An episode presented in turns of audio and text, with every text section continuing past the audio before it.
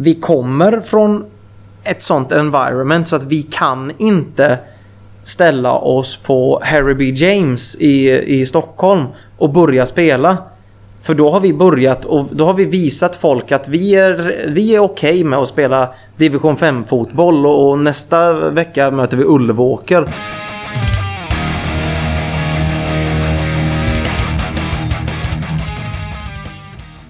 Du lyssnar på Rockpodden avsnitt 56. Varmt välkommen! Idag ska vi träffa en man som har en minst sagt lång och framgångsrik karriär bakom sig. Men han står också i startgroparna inför någonting nytt, stort och extremt spännande.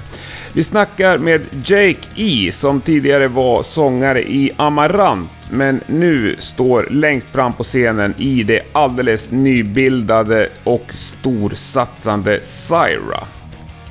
Det här avsnittet är även det sista av fem avsnitt som sponsras av den förnämliga webbshoppen rocknet.se, så jag vill ta tillfället i akt att tacka dem alldeles extra. Det har varit eh, väldigt trevligt att samarbeta med er. Rocknet.se är ju en webbshop som säljer t-shirtar och annan schysst merch till många av världens allra största band.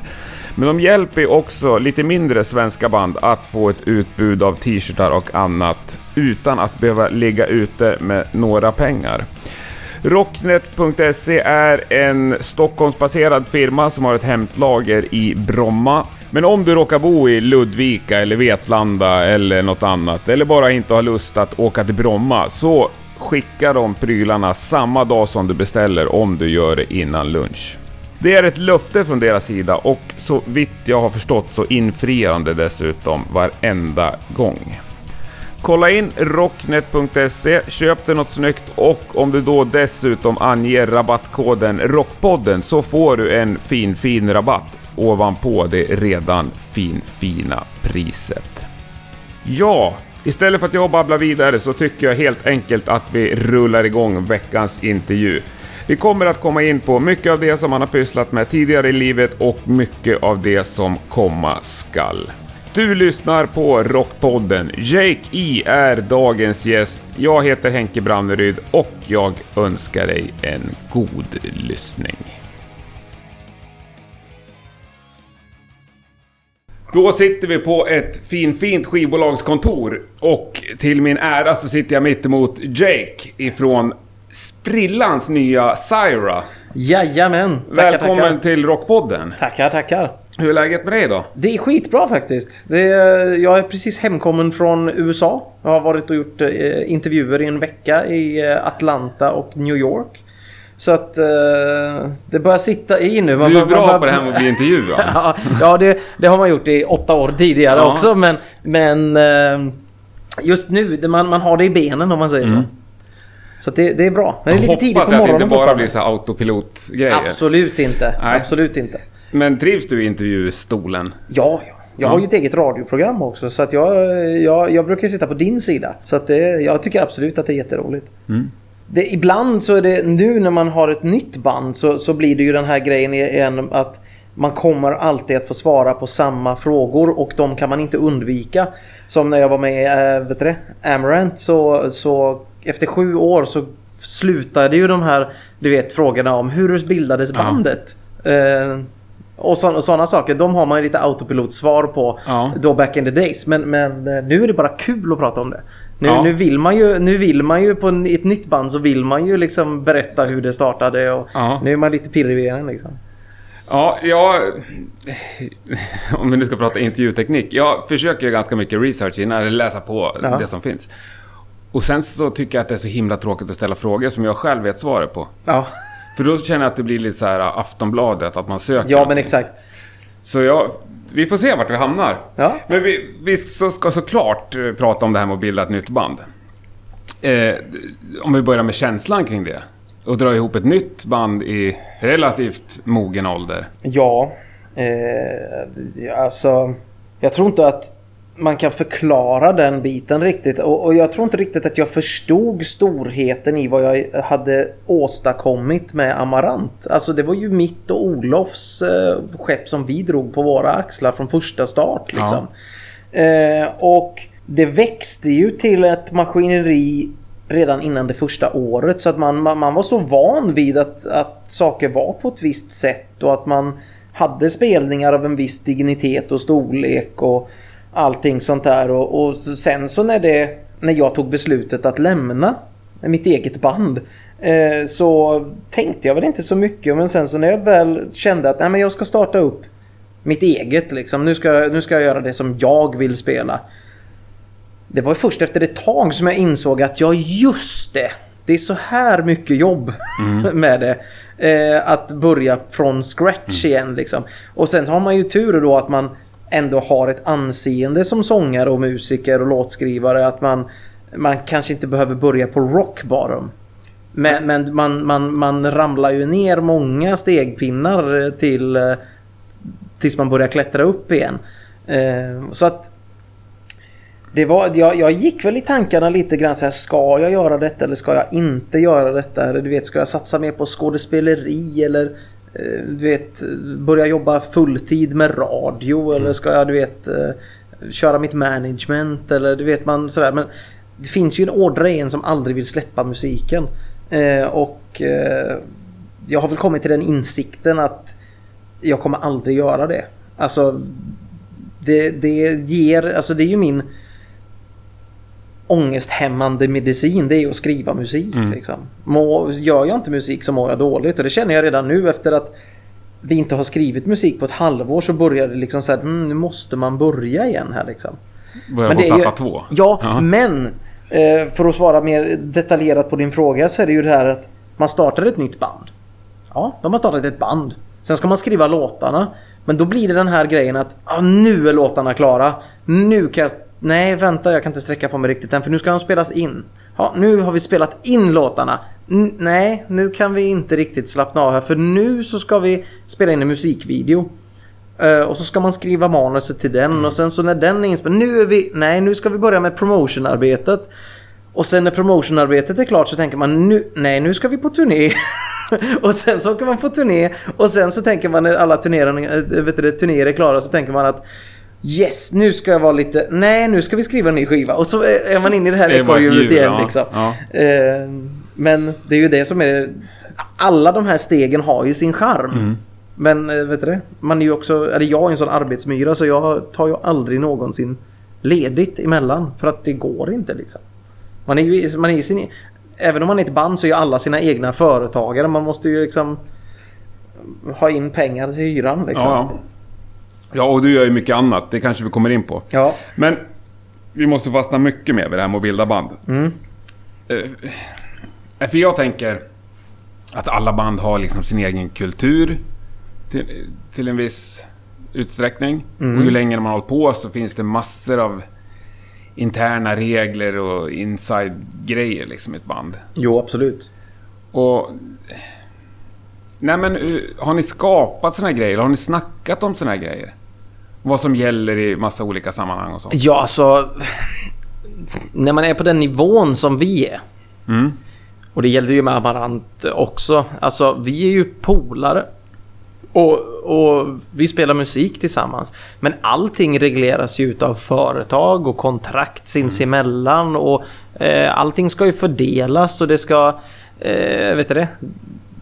Vet du det? Det finns regler om hur man är med och hur man inte är med. Mm. Om man slutar och man inte slutar. Och man, alltså, det, allting är ju, det är ju företagande liksom. Och det måste man ha.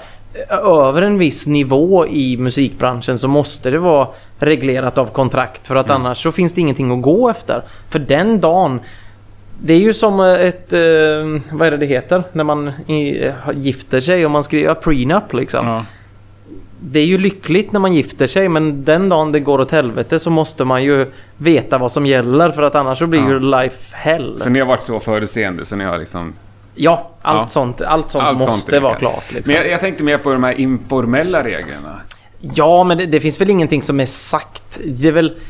Alla är, i det här bandet är ju med och beslutar. Mm. Tycker och tänker, kommer med egna åsikter och sådär. Men jag är väl den som är utnämnd kapten kan man säga. Kapellmästare. Kapell, ja men precis. Ja. men som Peter sa i en annan intervju här förut så eh, det behövs ju en, en eh, kapten som, som styr. Alltså, alltså, det handlar inte om att jag styr på något sätt men, men att det är jag som eh, visar lite och tar, tar initiativ till saker och ting. Och den rollen trivs du i, eller? Ja, det gör jag. Ja. Absolut. Ibland så hade man väl önskat att man hade blivit uppringd av uh, Linkin Park och sagt kan du vara med och sjunga här?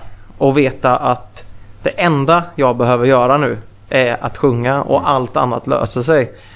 Men den dagen hände nog inte. Så att, eh, i, i, ibland hade det varit skönt. Men, men samtidigt så har man ju sånt fruktansvärt kontrollbehov av hur saker ser ut. Hur det ser ut med eh, detaljer runt allting. Liksom. Oavsett om det gäller intäkter eller utgifter eller eh, bussresor eller eh, budgetar eller merchandise. Vad det nu än må vara Mm. så vill man alltid liksom ha en översikt. Och den översikten ser jag till att ha och fördelar ut bland alla så att alla eh, vet du det? Alla kan se, alla har full Ja, insikt i... Ja men precis, Ja. exakt. Men har ni ändå stått i replokalen och svettats sådär ihop? Eller har Nej. det varit... Nej, aldrig. Jag har aldrig... Alltså jag, Ni har jag- aldrig skaffat en replokal och Nej, nej, nej, burit alltså dit vi- någon gammal soffa och sådär? Nej, det... Ja, inte i detta bandet. Jag, jag, jag spelade ju... Jag startade ju min karriär i ett band som heter Dreamland. Mm. Eh, och det startade jag när jag var 16, 17 i Mariestad där jag kommer ifrån från, bör, från början. Under ett annat namn och sen så flyttade det med till Göteborg och där var det ju liksom när man var 20 då hade man ju replokal i flera år och man repade någon gång i veckan och liksom man stod där och spelade och spelade och hörde aldrig någonsin vad man gjorde liksom. Nej. Det var bara högt. Ja. Sen när vi började med Amarant så då skrev vi ju det var inte ens meningen från första början att Amarant skulle vara ett... Det hette ju Avalanche från början och skulle vara ett projekt med mig, Olof och massa musiker. Som sen blev Amarant och sen, som sen blev ett turnerande band. Men vi skrev ju första skivan i mitt vardagsrum och hemma hos Olof och alltså... Så här fram och tillbaka. Och när den skivan sen var inspelad då hyrde vi en replokal. Mm. Och så repade vi en vecka. Och sen åkte vi på världsturné. Och sen så skrev vi en platta till. Och sen hyrde vi en replokal. Och så spelade vi en vecka. Och så åkte vi på världsturné. Och så var det så hela tiden. Ja, och, nu, med. och med Syra nu så var det ju samma sak. Vi skrev en skiva. Hyrde en konsertlokal. Och nu håller vi på med det. Nu har vi, vi har repat en vecka med bandet. Men då repar vi med crew. Ja, ja. Produktionsrep, pro, liksom. Produktionsrep med allting liksom. Och det var första gången vi någonsin stod tillsammans och spelade låtarna. Det var liksom. en vecka sedan. Ja. Det är ju ganska... Ja men sjukt på ett sätt tycker jag. Ja, det är ju det. Men ingen av oss är ju... Eh, alltså, man ska inte säga att man är proffs, men det är ju vårat jobb. Ja. Alltså, alltså, jag är sångare till, till, till, min, till mitt jobb. Jag har en studio där jag sitter och sjunger och Mm. spelar in åt massor med folk och skriver låtar. Och, jag menar, jag sjunger varje dag. Om jag inte kan komma till ett rep och kunna mina låtar och veta hur jag ska sjunga dem, då är jag ju en amatör. Förstår du vad jag menar? Ja, det Eh, förstår jag. Ja, så, så att, och, och, och eftersom alla andra tycker samma sak. De kan ju sina grejer. Så när vi, alltså det här var så sjukt. Eh, och det är också en stor ära att spela med de här kompetenta musikerna. För att vi kopplade in alla kablar. Tryckte på eh, play. Och sen körde vi. Och naturligtvis så var det alltid lite så här. Jaha, var det jag som spelade? Nu har jag övat in den här eh, tersen här fast jag, typ- ja, nej, jag spelade. Alltså mellan gitarrister och sådär att, att vet du man ska veta vad man spelar liksom. Men eh, annars så kan ju folk låtarna. Så att första, första gången vi spelade det så var det ungefär som att vi spelade första gigget på en turné när man är lite ringrostig Ja, sådär. jag, liksom. jag tror att jag fattar. Men efter en vecka så var det ju som att det var liksom turnéavslutning och Ja. vi hade gjort det här i ett år. Men är det en situation och ett upplägg som du trivs med? Ja, för att det, man, alltså, det som är mest värdefullt i mitt liv är tid. Ja. och, och, och, och det här faktumet att jobba hela dagarna och sen så ha lägga undan två dagar i veckan som man ska repa. Jag lägger hellre, de, Nej, det- två, jag det- lägger hellre de här två dagarna i, i veckan att eh, antingen kunna få lite tid med min familj, vilket jag är väldigt dålig på att göra Mm. för att man jobbar hela tiden. Eh, Eller att man får en kväll med polarna liksom som man kan träffa istället för att jag menar jag kan inte vara borta två dagar i veckan och repa och sen gå ut med polarna och sen göra någonting annat. Då hamnar ju min familj i total skymundan liksom. Och då ska min fru dessutom ha lika många dagar. Så du vet, det funkar ju inte. Nej, nej men det kan jag köpa. Men jag tänker ändå så här. Jag är väl kanske old school också, men jag skulle ha svårt tror jag att liksom sitta och skriva massa kontrakt hit och dit och sinsemellan som du beskrev. Utan att man ens någonsin har stått i en replokal ihop. Så. Vi ska Men börja jag- prata om hur vi gör när någon vill lämna bandet, men i min värld finns det inget band innan man ens har svettats i alla fall några gånger ihop. Nej, men nu är det ju så att jag och Jesper och Peter, vi har känt varandra i, vad är jag, 30, ja 12 år. Alltså vi har varit kompisar så länge. Vi känner varandra. Jag har turnerat med In Flames under flera år under, eh, olika perioder som eh, pyrotekniker. Det var så vi lärde känna varandra från första början. Så att på sätt och vis så har vi svettats. Vi har, Ja. vi har gjort roliga grejer tillsammans och vi vet lite vad vi har varandra. Liksom. Så att eh, jag förstår vad du menar. Mm. Men, men... eh, ja, nej, jag... Nej, du spelar ju en annan liga kanske än vad jag någonsin har varit i närheten av ja. Men, men sen så, hade jag varit 20 år så hade jag ju aldrig gjort så. Nej. Alltså för då tyckte man ju att det var roligt och om han inte hade haft barn och jag menar då gick man ju och rep och sen gick man ju ut på krogen och alltså... Liksom, då, Ja. det, är ju en det är, det är två helt olika liv liksom. Ja, absolut. Men eh, finns det några orosmoln? Finns det något som du tänker på? Undrar hur det där kommer bli? Faktiskt inte. Inget? Det är det som är så skönt med det Ja. bandet. Och man ska aldrig säga aldrig knock on wood men, men eh, vi var väldigt noggranna när vi, jag och Jesper valde vilka som skulle vara med i det här bandet. Vi hade aldrig något, eh, någon tanke på att eh, det skulle vara någon slags all-star-stämpel eller att vi skulle ha andra killar från andra kända band eller någonting sånt där. Utan jag och Jesper satt och skrev. Och sen så började vi prata om trummisar. Vi diskuterade massa trummisar. Och jag sa, jag har världens coolaste snubbe. Du kommer älska honom. Och Han heter Alexander Landenburg. Och han har spelat med Annihilator, Ja, han har spelat med Stratovarius, han har spelat med alla möjliga band. Och han är väl i min ålder, jag tror att han är 37 eller någonting sånt där. Ehm, Men det jag sålde in honom på till Jesper som var väldigt i början så bara, nej men det är väl bättre att vi tar någon som jag vet vem det är typ. Och det förstår jag. Mm. Men det jag sålde in Alex på var inte hans trumspel. Utan det var vilken person han var och vilken personlighetstyp han är. Och Alexander är den lugnaste, trevligaste och omtänksammaste människan jag någonsin har träffat. Så jag såg till att köpte en flygbiljett till Alex från Tyskland och så kom han upp och det tog fem sekunder så var han och Jesper bästa kompisar. Eh, och sen så sa Jeppe det att fan Peter hade varit kul att spela med. Han är grym och det vet ju jag också. Peter är ju fantastiskt trevlig liten björn liksom. Eh, och det var inga konstigheter för oss att plocka in honom. Han fick ju lyssna på låtarna och han tyckte det var grymt. Eh, så att det som var viktigast för oss var liksom inte eh, hur man spelade utan det var personkemin för oss som var det viktigaste från första början liksom. Hade vi plockat in så här eh, Timo Tolki och jag vet inte eh, han Jeff Waters i Annihilator då hade det ju liksom det, det ser man redan på pappret från början det här kommer bli kaos ja. liksom. Nej, men det förstår jag och det är ju fruktansvärt viktigt. Mm. Och framförallt om man ska börja få ny kula. Ja exakt. Man har lite mindre acceptans kanske mot nytt folk. Mm. Eller, ja, även om man känner... Ja. Jo, men det här med All Star Band som du sa, det var inte tanken. Men Absolut nu, nu inte. blev det ju så ändå. Ja, fast vi har ju aldrig någonsin och kommer aldrig någonsin att använda den stämpeln. Nej. Om, om media tycker att det är en rolig grej att, att använda, ja visst, använd den då. Men från vårat håll så har vi aldrig, eh, alltså, liksom, åh just, använd den stämpeln. Liksom. Nej, det fattar jag. För att den är lite så här lökig på något Ja. sätt. Men ni kommer ju få vänja er med den. Ja, ja, och Folk det får kommer man ju ta upp det, det, det och det kommer inte skrivas en artikel av mer utan att det... Nej, precis. Och jag menar i de pressreleaser ni skickar ut så står det ju man trycker ändå på Ja, medlemmarna. era ja, abs- absolut. Ja. Och det måste man ju naturligtvis göra. Jag menar, vi har ju ett skivbolag som investerar otroligt mycket pengar i oss. Mm. Och natur- de ska ju ha tillbaka sina pengar och för att de ska få eh, någon slags... Att folk att lyfta ögonen. Vi snackade ju om det innan vi började Mm. intervjun att det finns ju så mycket band. Eh, så att ska man lyfta på ögonbrynen så måste man ju sälja in det på Mm. något sätt liksom. ja. Och det har ni ju lyckats med so far. Fast ingen typ har hört er. Nej, exakt. Nej. Det var det roligaste med, med alltihopa. Att vi fick ju...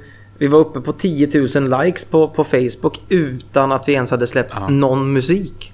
Och ni hade ju en fanclub också. Eller ni bildade en fanclub innan Ja. ni släppte någon musik. Ja, ja visst. Ja, fanklubben var redan klar. Det var, det var ordnat och, och färdigt. Så Ja, men- den, den är up and running. Ja. och det är ju någonting Och den... Alltså avundsvärt med det, samtidigt som det är någonting konstigt med det. Fast egentligen inte. För att fanklubben har ett syfte. Ja. I, och det är det här att jag och Jesper och även de andra har en sak som vi inte tycker om i musikvärlden idag. Och det är det här med VIP-biljetter. Det, jag kräks på det. För att jag tycker att det är så fruktansvärt dålig stil mot de människorna som jobbar och sliter och tjänar, vet du, sparar pengar. Eh, för, som, som är less fortunate. För, så, som kanske har dåliga jobb men de vill ju också gå på konserter liksom. Och de sparar och, och eh, vet du, lägger undan pengar och nu äntligen ska vi gå och kolla på vårat favoritband. Ja, och så har du de här som har ett bra jobb och kan köpa vilka konsertbiljetter de vill. Och kan också gå och hälsa på bandet och ta kort med bandet. För att det kostar 800 spänn extra så får du, får du gå och ta, ta bilder med dem. Ja, om det räcker. Det finns ju men du vidriga ja, men priser vidriga priser. Ja, vidriga ja. priser. Och, och banden behandlar de här eh, personerna som skit. De tänker bara på pengarna. Mm. Och eh, jag har aldrig gillat det. Så istället så, så vet du det, valde vi att ha en fanclub. Där det kostar kanske, jag vet inte, 20 euro om året att vara med. Mm. Alla pengar som kommer in till fanklubben går tillbaka till de som har köpt det. Så att du växlar. Det, vad du gör för de här 20 eurona är att du får någonting speciellt. Du kanske får någonting, eh, det kan vara allting från USB-minnen till specialdesignade t-shirts till eh, vet du det? Ja, häftiga saker Ja. som ingen annan får. Men pengarna du betalar ser aldrig bandet av. Nej. Utan det går bara till att administrera fanklubben Ja. för de som sköter om det som gör det ideellt dessutom. Och de som är medlemmar i fanklubben, de har alltid, om de köper en biljett till en konsert, så har de alltid tillträde till meet and greet. Så de får alltid komma och träffa oss. Eh, vilket, vilket jag tycker är en fair deal. För då spelar det ingen roll om du tjänar en miljon om året eller om du går på socialbidrag. För att har du bara en biljett till konserten och du är medlem så då gäller alla. Det är samma regler för alla. Det låter ju fantastiskt fint. Jag tycker att det är ja, det i ja, alla men fall. verkligen. Jo, jo, men ändå... Ja, för Alltså, för på något sätt är det ju självklart, tänker jag, att det blir ett jätteintresse kring ert band. Och när ni släpper ny platta och när ni ska spela sådär. Men just det här med fans, eller du är ju hockey... Ja. Du är gammal hockeykille. Ja, men som Las Vegas som liksom har bildat en, en ny NHL-klubb. ja. Och så var helt plötsligt, nej men nu har vi hemmamatch.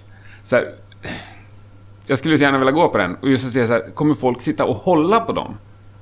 Att det finns skitmånga som vill se det i ett slags intresse. Åh, nu har man köpt ihop de här. Och det är ju spelare såklart som...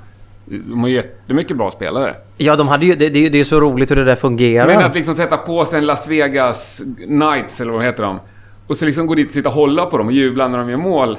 Ja, men de är från din stad. Det är ju ditt stads lag. Jag menar, det finns ju, Ja, inte, jo, det men- finns ju inte många lag i Sverige idag Nej, på varken konst- fotboll eller hockey som, som har... Hur, jag menar, Frölunda och Färjestad är väl de lagen som har störst plantskola som spelar sina juniorer. Jo, Jag tror- men de har ju en historia och du har liksom varit på Frölunda med din farsa sedan du föddes. Jo, jo. Sen är det ju såklart nya spelare, men det, klubbmärket är samma och kanske ishallen är samma. Och, Nej, du, tänker, du tänker att just att för att det är nytt ja, liksom? men det är som att jag skapar liksom en kultur eller en magi kring någonting. Ja, jo men det tar ju tid naturligtvis. Naturligtvis tar det tid och jag menar eh, Las Vegas kommer nog få kämpa i motvind i några år. Det var ju samma sak. Det gjorde ju Anaheim Mighty Ducks Mm. också. Eh, och Anaheim Mighty Ducks gick ju i fem eller sex år och var sämst. Mm. Sen sålde Disney dem. Och bara, nej, vi droppar det här nu. Vi vill inte vara med och lägga in mer pengar. Vad hände det året efter? Jo, de vann Stanley Cup. Ja. Ja. Men jag ville egentligen inte prata om hockey, jag ville bara dra parallellen Ja, men jag till- förstod till parallellen. er, jag, liksom. förstod, Ja. jag, jag förstod parallellen. Och ibland så blir det succé med en gång. Och ibland så tar det ett litet tag. Det var det jag ville säga med, med eh, Anaheim. Eh, och eh, vi förväntar oss ju inte att eh, vet du, vi ska stå och spela på Wembley med en gång. Nej. Vad vi förväntar oss är ju att vi ska kunna åka ut och spela och ha roligt. Och göra grym, grym, grymma spelningar. Men vi kommer från ett sånt environment så att vi kan inte ställa oss på Harry B. James i, i Stockholm och börja spela. För då har vi börjat och då har vi visat folk att vi är, vi är okej med att spela division 5 fotboll Mm. och, nästa vecka möter vi Ulvåker. Eh, och det är inte där vi vill vara Nej. utan, utan vi, Vi vill upp i NHL. Vi, ja, ja men vi vill börja i, kanske inte i NHL men i AHL. Ja. Eh, det första vi gör liksom. Eh, och gå ut och visa folk att det här är någonting som faktiskt är värt att betala pengar för Mm. att se. För att vi har en fantastisk eh, scenshow och bra låtar. Mm. Men, men ni har... Jag vet att ni har premiärgigget har ni gått ut med i alla fall. Mm, 27 oktober i I- Helsingfors. Ja. Har ni fler spelningar bokade? Nej, inte Nej. detta året. Det är, det är väldigt exklusivt än så länge. Men då riktar vi in oss på den dagen. Vi Liksom. har massa spelningar fast ingenting som är officiellt. Och jag tänker, både In Flames och Amarant var ju superstora i Finland. Ja, Jag vet inte hur mycket folk tar stället. mm, 600 tror jag. Ja, men då utgår vi från att det blir Ja, det får- fullsatt. ja, det- ja. det kommer bli fullsatt. Ja, det hoppas vi. Men, och ni kliver på och kör första låten. Så vad förväntar du dig då? Ja, skivan har varit ute i sju dagar då. Ja. Så att eh, vi får se. Förhoppningsvis har ju de här personerna som, som är på konserten köpt skivan. Eller åtminstone lyssnat på den på Spotify. Ja. Ehm, det kommer bli svårt. Men det, vi, vi har ju alla varit där tidigare. Jag menar, när vi startade med Amarant och åkte ut och spelade så var det ju inte många som hade hört oss. Men det var mycket folk på spelningar för de hörde på radio. Mm. Så att... Eh, ja, alltså... Jag vet inte vad man ska förvänta sig. Nej, men du- jag, jag, jag skiter i om det är 50 personer som kommer dit. Ja. Jag kommer fortfarande att spela som att det är för Wembley i alla fall. Men det måste ju vara sjukt spännande. Ja men det är ju fruktansvärt nervöst Ja. också. Alltså... De, den här, det är ju the, the calm before the storm. Man har ju ingen aning. Man ligger ju som i skyttegrav och väntar på att... eh, Liksom, vad kommer hända nu liksom? Ja. Och vad kör ni? Vad spelar ni? Spelar ni skivan rakt Vi spelar skivan rakt av, fast inte i ordning då. Utan Nej, vi, men inget mer och inget mindre? Nej. Nej. Fyller inte ut med någon Nej. cover? Nej. Men det får vi se. Vi har diskuterat det faktiskt och vi Mm. lämnar det öppet. Men det, är, det här är Syra och eh, eh, man vet aldrig framöver vad som händer. Skulle det vara så att bandet skulle råka slå som fan Mm. och ja, kan ni spela 90 minuter? Ja, vad fan ska vi göra då? Får vi hitta på någonting liksom. Ja. Men, men man ska aldrig säga aldrig. Men våran eh, initiella plan är att vi spelar våra låtar. Mm. Men har ni fått in frågor och sådär från festivaler nästa sommar? Ja, vi har bokat. Vi har en jättestor festival eh, bokat som är officiell som är John Smith. Eh, festivalen i, jag tror att den ligger utanför Jyväskylä. Eh, spelade där eh, med Amarant två gånger tror jag. Jättebra festival. Eh, så det, det är bokat och sen så håller vi på att boka nu för fullt som inte kan gå ut med än. Men det kommer att släppas Ja. idag. Men, men jag tänkte just på det här med speltid och, och Ja. sånt där. Men Festivaler är ju oftast en timme om du inte är head-headline. Så Ja. att eh, det, vi löser det liksom. Sen har vi ju en trummis som gillar att spela så han kan spela trumsolo. Ja, Bra. Men ni kommer absolut aldrig köra någon In Flames-låt? Det eller vet vi inte. Amarant-låt? Jag säger det, jag säger det. Aldrig, jag säger aldrig, man ska aldrig säga aldrig. Aldrig säger aldrig. Så det kan bli en In Flames och en Amarant Men då skulle väl många kissa ner sig om vi gjorde det. nummer, men det är ju ja. frågan, jag growlar ju inte så man får man ju hitta på en... eh, Skulle, skulle man komma dit någon gång så Får får man hitta en lösning. för att ta det? Ja, exakt. Hur svårt kan det Det är bara att skrika. ja, nej då. Jag får köra den låten sist då. Ja. Men i den här processen med att skapa nytt band då. Som, vad har varit viktigast? Har ni någonting... Kemin. Mm. Kemin och... Kemin och kemin. Det har varit det absolut viktigaste. Gäller det även med era samarbetspartner, skivbolag och bokningsbolag och... Alltså jag hade ju sån tur så att jag... Jag och Jesper skrev ju några demos och så... De första vi skickade till var ju de som jag redan låg på. Mm. Det var Universal eller Spinefarm.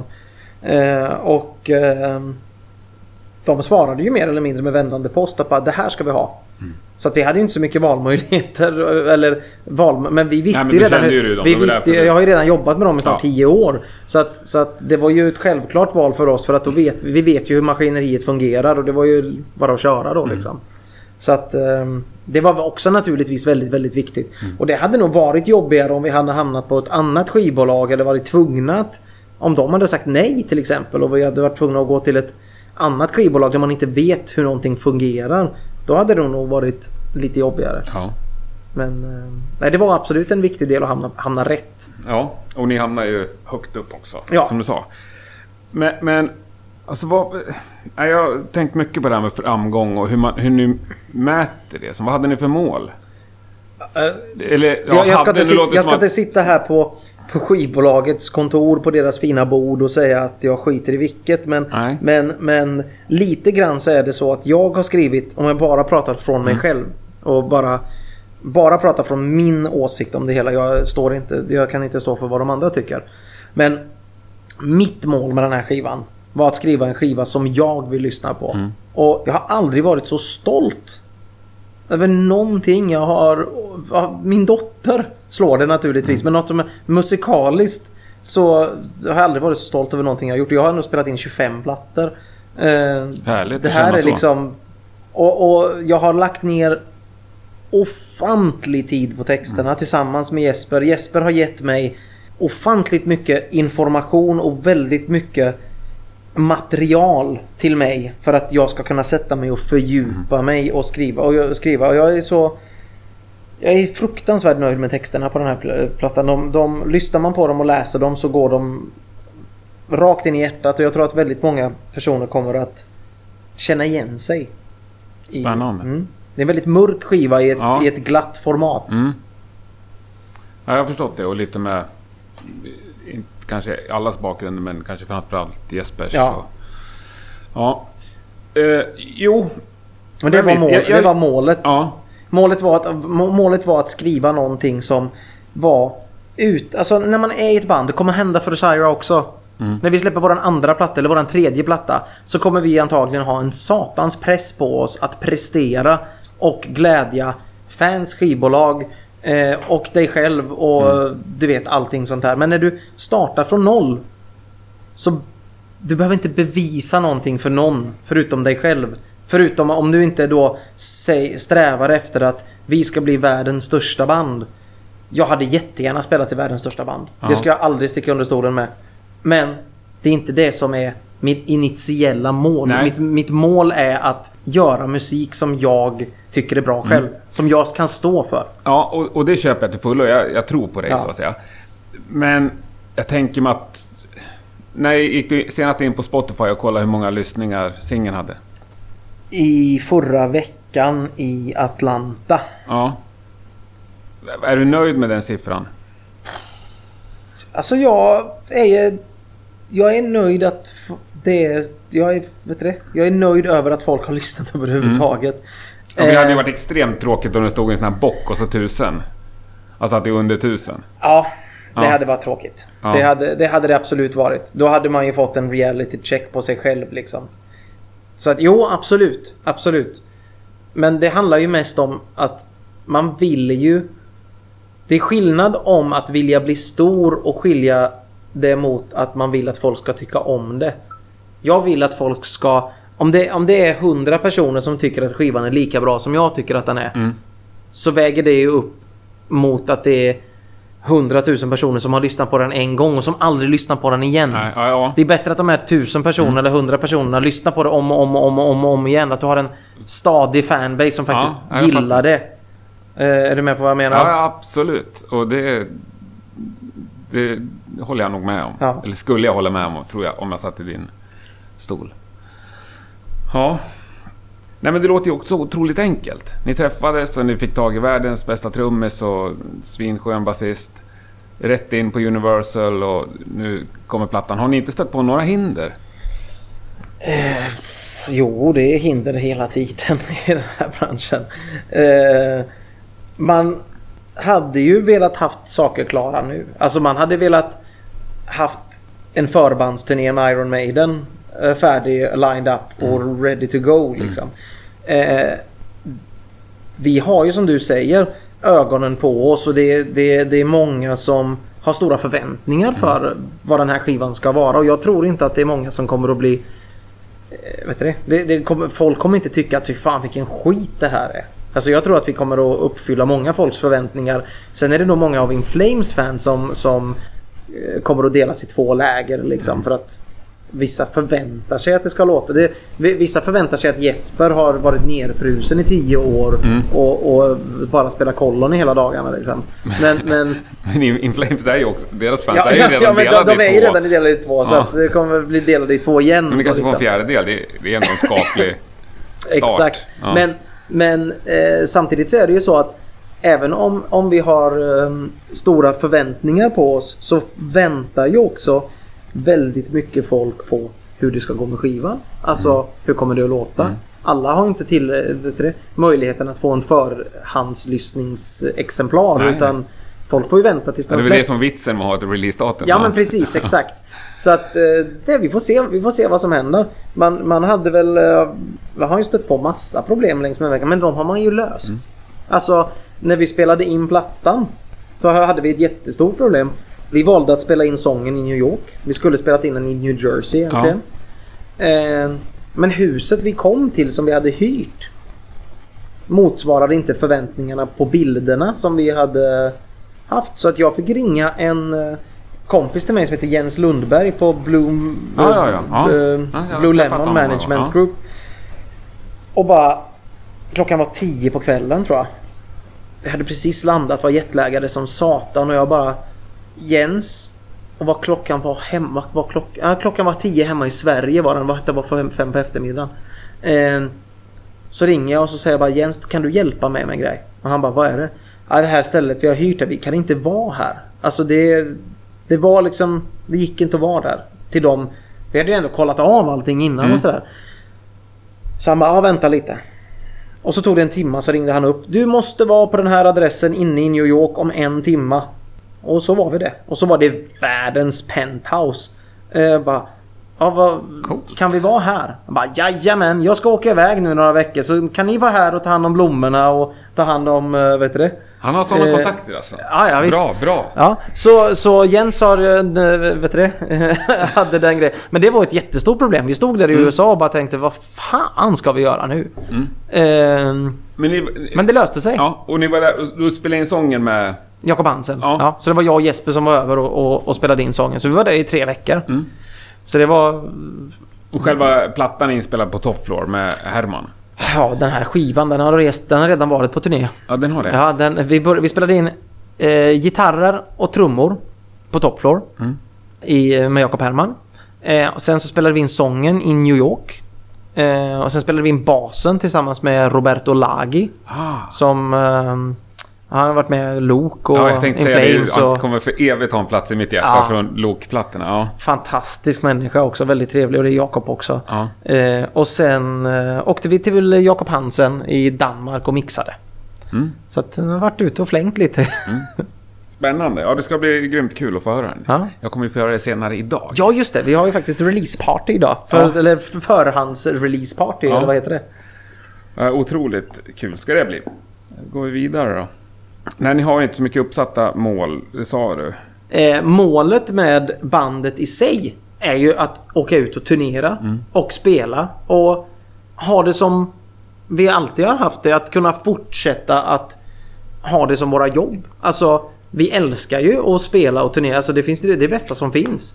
Och, och det skulle naturligtvis bli en törn i sidan om det skulle visa sig att det inte blir någonting av det. Att vi inte skulle alltså, du vet, få någon uppbackning och att eh, vi inte kan åka ut och spela. Alltså då, det- skulle göra ont.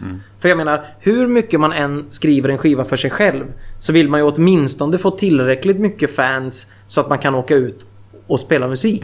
Sen behöver inte det vara Wembley. Nej, men inte en, Men man, en man, vill väl kanske. Och- man vill väl kanske åtminstone kunna dra 500 pers- personer på ett gig så att man åt, åtminstone känner att det går plus minus noll liksom. Ja. Ja, ja, ja. Men du gör ju mycket annat i ditt liv också som är spännande. Ja, Jag såg någon filmtrailer där du flimrade förbi, va? ja just det. En procent. En procent, ja precis. Den heter uh, One percent the voice within heter Ja. den. Det är en, en Alltså producent... är MC-kulturen här? Precis, och det, det är ju lite intressant att de har fått fått göra den här filmen. Det är eh, flera artister som är med i... eh, Det är, jag och sen så är det Maskinisten. Har Ja. en, eh, maskinisten har faktiskt en mycket större roll än vad jag har. Ja, Han, är, han ser ut som en bad guy redan som, som Ja, det är. men så han är väl ganska involverad Ja, i, ja, exakt. i den kulturen. Ja. Exakt. Eh, nej, eh, så Och att, lilla syster med på ett hörn också. Ja, det var faktiskt jag som bokade in dem i Jaha, filmen. Ja. coolt. Så att de är skyldiga mig en tjänst. Ja, de är med, de är med och de, är, de spelar i en scen i, Mhm. en, i filmen. Eh, jo, den är jag med i. Eh, och det är faktiskt också tack vare Jens som eh, fixade in mig på den eh, banan. Och skådespeleri är någonting som jag verkligen vill göra. Och det ser man om man är lite vaksam i, i Amarants videos. Så är ju jag hjärnan bakom manusen till, eh, till alla videosarna. Mm. Eh, och jag har alltid jobbat väldigt nära Patrik Uleus. Så vi, vi är ett väldigt bra team när det kommer till videoproduktioner. Men jag har alltid velat göra skådespelarscener så att man, man, man ser att det, att, att det finns en dimension, en dimension till. Och det ser man också i Syra-videon att eh, jag försöker att Ja, göra ja, lite ja. mer agerande. Även om det är väldigt, väldigt svårt att skådespela i en video som är tre minuter lång. Liksom. Ja, men lite actionscener kan man ju faktiskt Ja, få in. ja, men precis, Ja. precis. Jag var väldigt nöjd med mitt uh, stunt-movement i slutet på videon när jag blev slagen i huvudet. Ja, det var coolt. Eh, men, men det är någonting som du tänker seriöst som en del av Absolut. karriären? Ja, ja, det, är ju, det är ju nästan svårare att slå sig in i skådespelarbranschen än vad det är att, att slå sig in i musikvärlden. Så att, eh, det, det, det ser man ju själv när man tittar på TV. Det är ju samma skådespelare hela tiden. Ja. Har du en väl kommit in så har du kommit in liksom. Eh, Men jag, jag, jag vill ju jättegärna jobba med mer internationell. eh, Alltså på andra språk. Alltså hitta utanför Sverige. Det, det är mitt mål med saker. Men, engelska, eller vad tänker du? Andra språk? Nej men alltså, vet du det? Det kan vara danska, det kan vara... Alltså, jag vill, jag vill försöka hitta saker som, som, som du vet, man lär sig. Alltså man, så man får pusha sig själv till att lära Mm. sig någonting. Du vet, man får gå över den här gränsen att man måste liksom... Lära estniska liksom? Nej, det skulle det kunna vara. Ja, Ja, men nej, men nej, men absolut jag- jag inte. Nej, men, Ja. men, nej, men framförallt vad jag menar är ju alltså amerikansk film eller. Mm. engelsk film eller... För, för att pressa sig själv. Alltså pusha sig själv till en limit där man inte känner sig safe. Jag menar, spelar du in en film på svenska, det enda du behöver tänka på då är att du ska skådespela bra. Spelar du in en film på engelska, vilket jag gjorde nu. Jag var, i, jag var över i Boston och spelade in en, eh, Jaha. en eh, film i två veckor. Som kommer att gå upp nästa år på sån här film... Eh, vad heter det? Festival? Ja, det är en kort film. Ja. På 15 minuter liksom. Som, som är sånt. De gör ju så i USA. De, de spelar in en 15 minuter och så vet du det. Använder du den till att pitcha på filmfestivalerna och så få fundings till saker och ting. Eh, men då fick jag ju pusha mig själv för att då behövde jag ju dels skådespela och ha koll på den engelska eh, och vara trovärdig att, att du inte ska låta som att du är från Sverige liksom. Och det är det jag menar att det här att du vet, Ja, det är samma sak på, på den här Syra-plattan. Jag har tagit i från tårna. Jag har pressat mig själv till en gräns sångmässigt. Det jag inte trodde var möjligt. Lyssnar man på första singeln så är den ganska kött och potatis sångmässigt. Jämförtvis mot vad resten av skivan är. Jag sjunger lägre än vad jag någonsin har gjort. Jag sjunger högre än vad jag någonsin har gjort. Jag sjunger eh, alltså bredare Ja. rent hur jag, hur, alltså jag har verkligen pushat alla cylindrar till maximum för att prestera det bästa utifrån min egen kapacitet. Eh, och jag tycker om att göra det för att du kan när du har kommit upp till max då är det svårare. Det är som att styrketräna. Det är lätt att bygga muskler i början men, men sen så... Sista, ja. De sista biten är alltid svårare liksom. Och det är där jag försöker att ligga hela tiden på gränsen till att pressa mig själv till att, till att bli bättre. För min egen skull. För att jag vill lära mig liksom och, och vidga mina vyer. Spännande. Men lite mer cyber här. Uh, ja, men dels det du nämnde med gitarrer.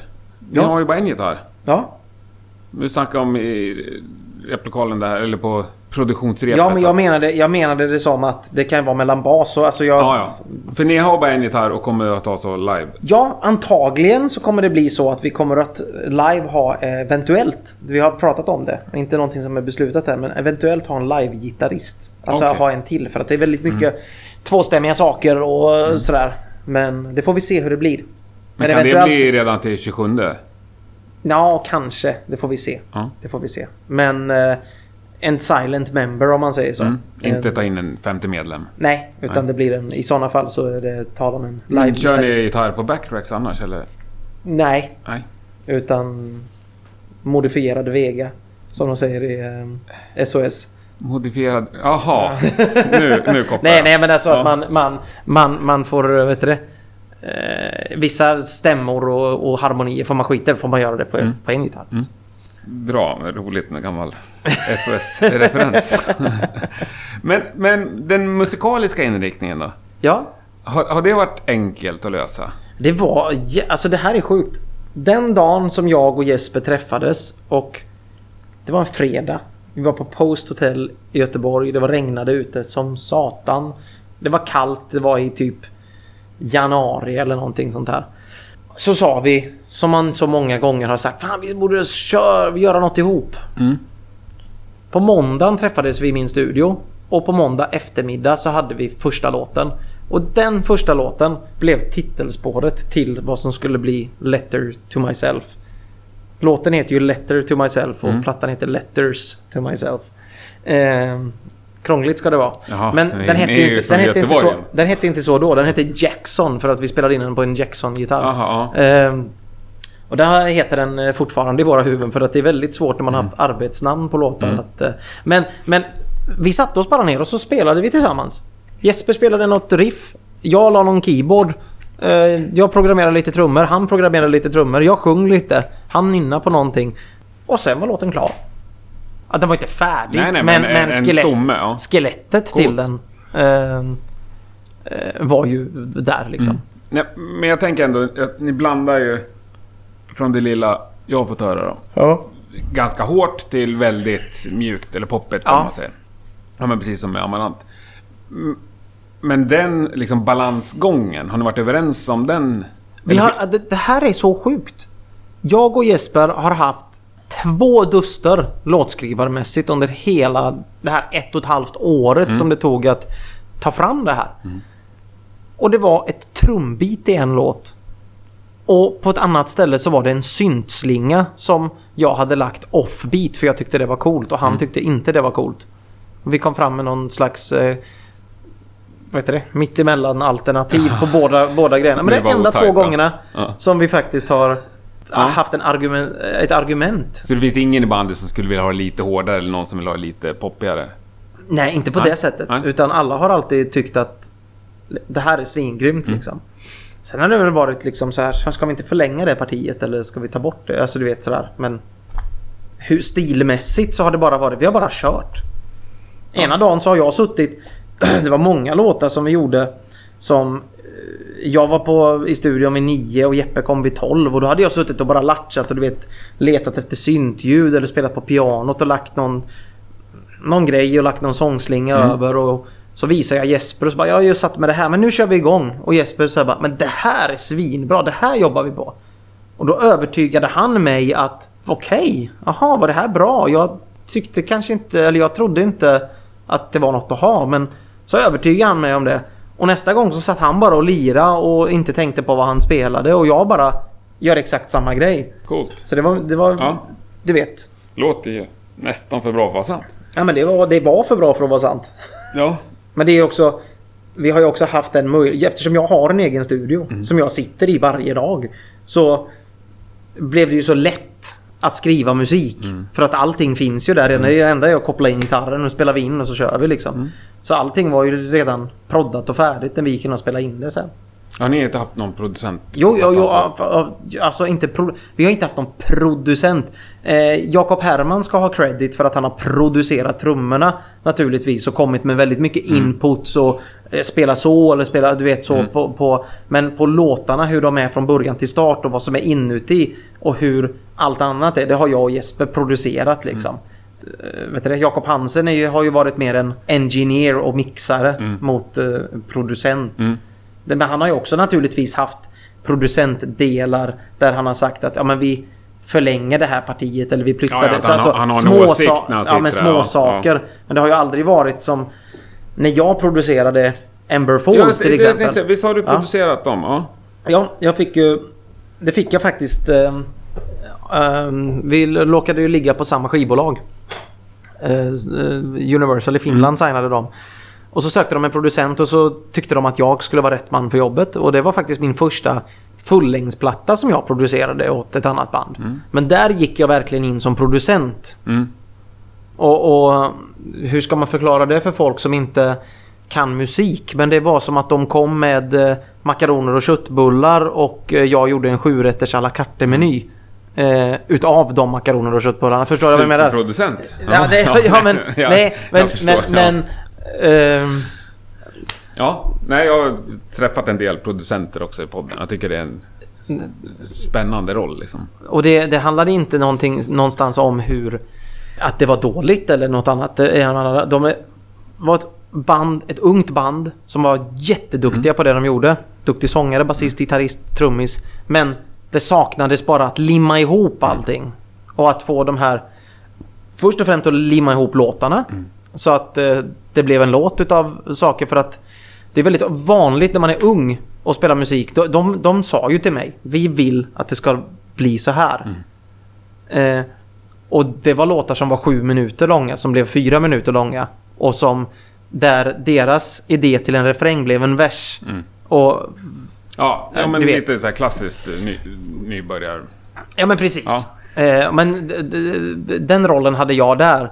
Men, men eh, det var inte riktigt så vi har jobbat med Jakob Hansen. Nej. Och det gjorde vi aldrig på Amarants skivor heller utan eh, det var alltid, allting var alltid varit mer eller mindre färdigt från första början liksom. Ja. Sen kommer det med till ljud och produktion. Men det här med... Jag är tillbaks igen på det här med att skapa band. Men jag tycker det är hysteriskt intressant. Just när man gör det på den här nivån. Men det här med så här, image liksom. Ja. Det är någonting som min fru hatar mig för. Ja. Hon, hon säger alltid till mig att fan du måste tänka på detta och du, så, så, du vet hon är grym. Jag älskar min fru. Ja. Men jag är kass. Alltså jag är så dålig på att ha en image. Jag är så dålig på att försöka utge mig för att vara någon än den personen jag faktiskt är. Alltså förstår du jag menar? Jag tycker nästan att det är lite obekvämt. När jag, när jag jobbade som säljare för många, många, många år sedan. Så var det värsta jag visste att ta på mig en kavaj när jag skulle gå och, på säljmöten. För att det kändes inte som jag. Förstår du vad jag menar? ja, jag förstår. Exakt. Eh, så, Och- att, så att det här med, im, med image är att min image är att jag är ganska rockig i min outfit eh, som jag är. Mm. Men det är också den jag är live. Ja. Och som arti- alltså stilmässigt så är artist-Jake och eh, vet du det? Privat. Privat-Jake väldigt, väldigt lika. Ja. Jag går till dagis i trasiga byxor och, och skinnjacka. Det är liksom... Men jag hade haft väldigt svårt att vad heter det, vara mjukisbyx-Jake. Ja. Och eh, alltså, det är ju den egentliga Jake. Det är jag älskar att gå i Comfis liksom och, och du vet bara... bara Mm. Jo, bara men- vara soft. Ja, men även om du har trasiga jeans och en sliten svart tröja. Du har väl inte på dig samma kläder sen på kvällen när du står på scen? Nej, men det är ju liknande. Ja, om du förstår vad jag ja, menar. det jag hade samma- svårt... Jag hade haft garderob. väldigt... Jag, jag, jag beundrar Avatar till exempel som är kompisar till oss. Mm. De är ett fantastiskt band. Och deras image är ju helt fantastisk. Mm. Men jag hade haft... Det, där kommer kostymen Ja. på mig. Alltså jag hade haft jättesvårt obekvämt. att spela i deras band. Ja. Och ha på mig dem. Alltså... Och, och det här är ju konstigt. För att jag älskar ju skådespeleri. Mm. Om jag skådespelar en roll där jag ska vara en Pursue of Happiness. Ja. Ha, alltså, Ja. Då får jag gå in i den rollen. Men, Men- men kan du inte gå in i artist-Jake-rollen? Ja, fast artist-Jake-rollen är så nära mig. Mm. Förstår du vad jag menar? Om jag ska spela skådespeleri. Mm. Då är det någonting som är väldigt långt ifrån som jag måste approacha för Mm. att vara. Men musiken är så nära mig hela tiden så Mm. att det är någonting som jag... Jag är lite...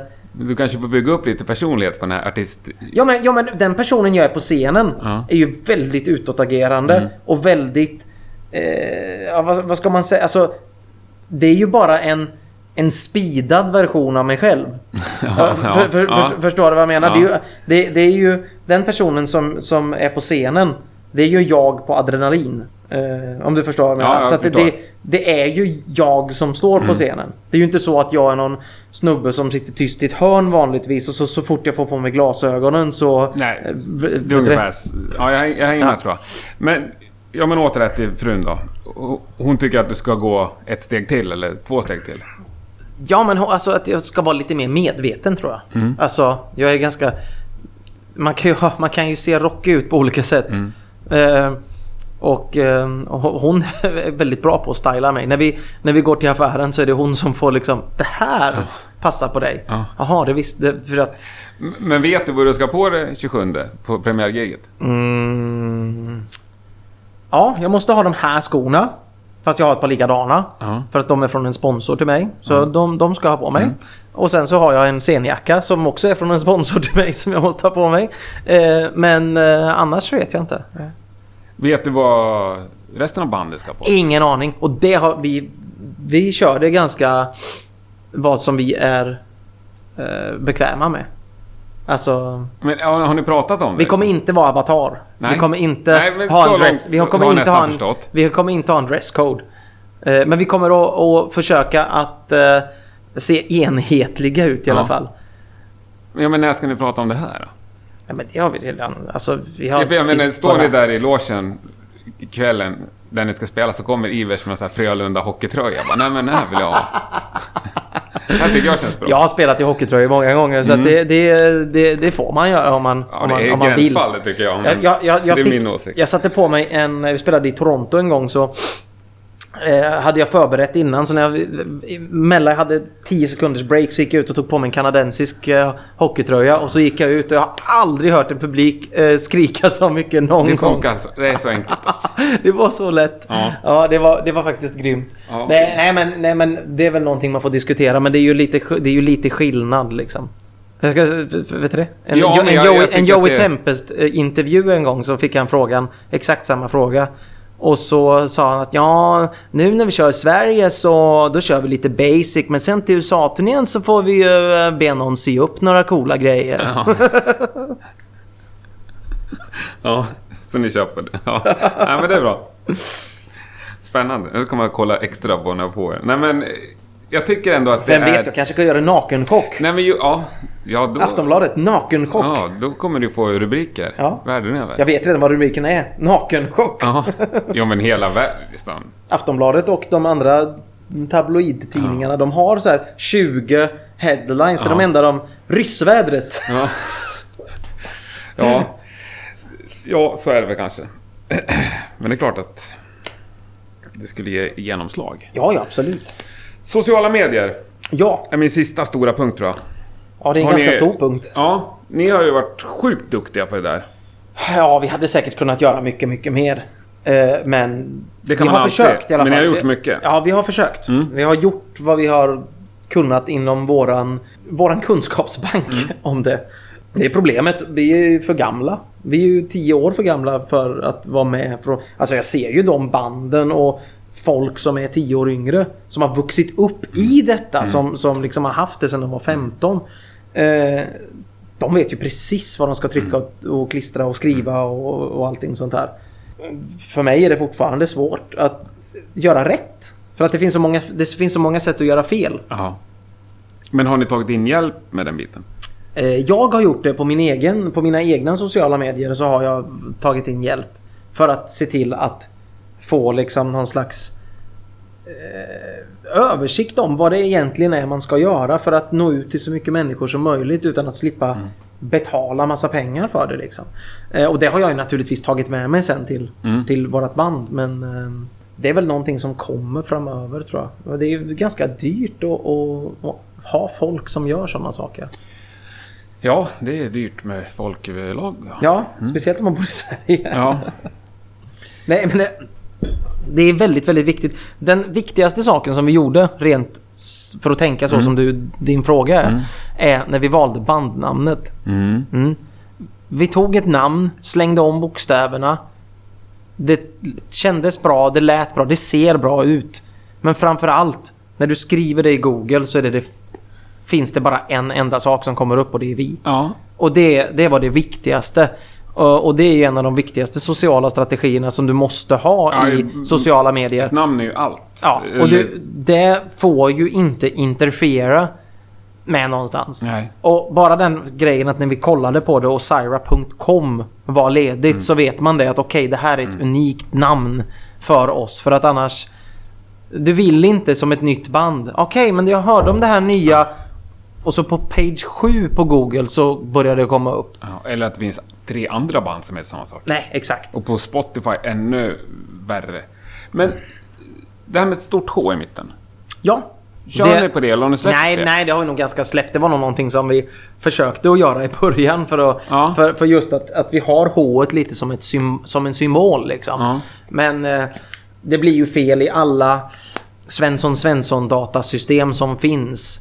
Så Ja. Blir det fel. För att då s- alla datasystem hos skivbolagen, hos distributörerna, hos eh, eh, publishingbolag, Mm. hos allt. Så säger de bara dyrt, dyrt, dyrt. Du har skrivit fel här. Men i loggan har ni stort H? Eh, loggan är bara stora bokstäver. Jaha, okej. Mm. Däremot så går det ut lite i, eh, vet du det, i, i, Ja. i loggan. Så att, Nej, okej. Så ni har släppt Ja. det, för det var det... För jag la märke till att på eh, Spotify är det ju ett litet H. Ja, precis. Och på, på våran Facebook så är det stort H för att det går inte att ändra. Nej. det måste du göra? Eh, nej, det, jag har försökt. Det går Okej. inte. Man måste göra något som... är- Alltså, det, när, när en sida har uppgått till mer än x antal visningar eller x antal fans så kan man inte ändra på vissa saker. Eh, Det är intressant det där. är- Man måste kontakta Facebook helt enkelt så Ja. får de göra det. Lycka till och hitta, hitta någon som jobbar där. Spännande. Mm. Ja. Nej men vad kul, tycker jag. Men lite framtid då. Nu Ja. har vi pratat mycket framtid, men... eh, Vad, vad, vad drömmer du om? Vart vill du sitta om ett år? Jag vill vara lycklig. Mm. Det är, det, det är nog min största, det är mitt största mål i livet tror jag. Det har varit många år de senaste åren där jag har gått omkring och bara känt den här, du vet, menlösheten liksom. Oavsett fast man har varit framgångsrik och turnerat över hela världen och man har världens finaste familj hemma så har det alltid varit liksom det har alltid varit någon slags elefant som har suttit på sin rygg liksom. Och det har ju varit många olika anledningar men, men jag minns när jag var liten och man såg eh, artister, sina idoler och man bara så här Mikael Kiske, hur kunde han lämna Halloween? Alltså Håller jag tjänar ju massor med pengar och spelar i världens bästa band och som tioåring så var man ju bara liksom Dela den det här sorgen. går ja. inte liksom. Det, alltså varför? Är han dum i huvudet eller? Men sen så helt plötsligt 20 år senare så sitter man i samma situation och man Ja. bara inser att det finns viktigare saker här i livet än att vara framgångsrik och Mm. rik och eh, ha massa pengar Mm. eller det ena med det andra. Utan det, det här handlar ju om att vara lycklig och må bra i sig själv. Så att vara frisk är mitt första äh, vet du det, svar. Mm. Och, och nummer två är att vara lycklig. Och det är det jag känner att det här jag håller på med nu är någonting som får mig att må bra. Det, det, det är det som betyder mest för mig. Att jag och min familj får vara frisk och att, att man får liksom känna att man gör någonting som jag mår bra av och som jag kan glädja andra med. Det, det är det som... Fullgott svar tycker Ja. jag. Ja. Nej, men då önskar jag dig, önskar dig vet du, lycka och eh, hälsa. Ja, tack så Ja, mycket. och jag önskar dig även stort lycka till med Syra. Tack som fasen. Ska bli det intressant det ska bli, att följa vi, vi er. får ha en liten diskussion du och jag här sen eh, efter eh, att vi har lyssnat på skivan. För så får du komma fram till mig och säga att, eh, Mm. eh, om vad du tycker eller inte. Ja, det kan vi göra. Då tar vi ingen mikrofon mellan Nej. oss. Nej. Ja, om du tycker att den är bra kan vi ha en mikrofon. Ja, Ja. så kan vi göra. Otroligt trevligt att träffa dig. Det är samma. Ja, Vi får göra om det här om ett eh, halvår eller någonting. ja, ett år i alla fall. Ja, Det kör vi på. grymt. Tack Stort som fasen. Tack.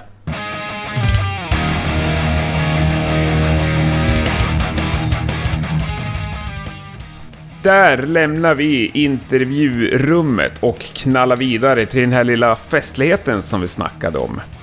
Det var väldigt, väldigt trevligt måste jag säga. Skivan gick varm och vi skålade i någonting kallt. Starkt jobbat Jake och ni andra i Syra och lycka till i framtiden. Stort tack också till Rocknet för den här tiden. Det har varit väldigt trevligt att samarbeta med er. Hoppas vi får tillfälle att göra det någon mer gång i framtiden. Rockpodden finns på Facebook och Instagram och Twitter. Men från och med idag så ligger det också en Patreon-sida uppe om det skulle vara någonting för dig. För trots att vi har haft en liten sponsor här i några avsnitt så är det ju så att det kostar en hel del att producera Rockpodden. Och om du känner att du kanske på något sätt vill bidra med några ynka kronor eller dollar i månaden så är ju Patreon det perfekta sättet att göra det. Kolla in Patreon.com, sök helt enkelt på Rockpodden så är det ju ganska enkelt om du vill vara med och bidra till fortsatt framfart och utveckling. Och det är ju många bäckar små som gäller. Jag förväntar mig inga plånbokstömningar om jag säger så. Då sätter vi stopp. Nästa torsdag är vi självklart tillbaka och då blir det en gäst att räkna med. Det kan jag lova. Ha en underbar vecka så hörs vi då. Tack och hej!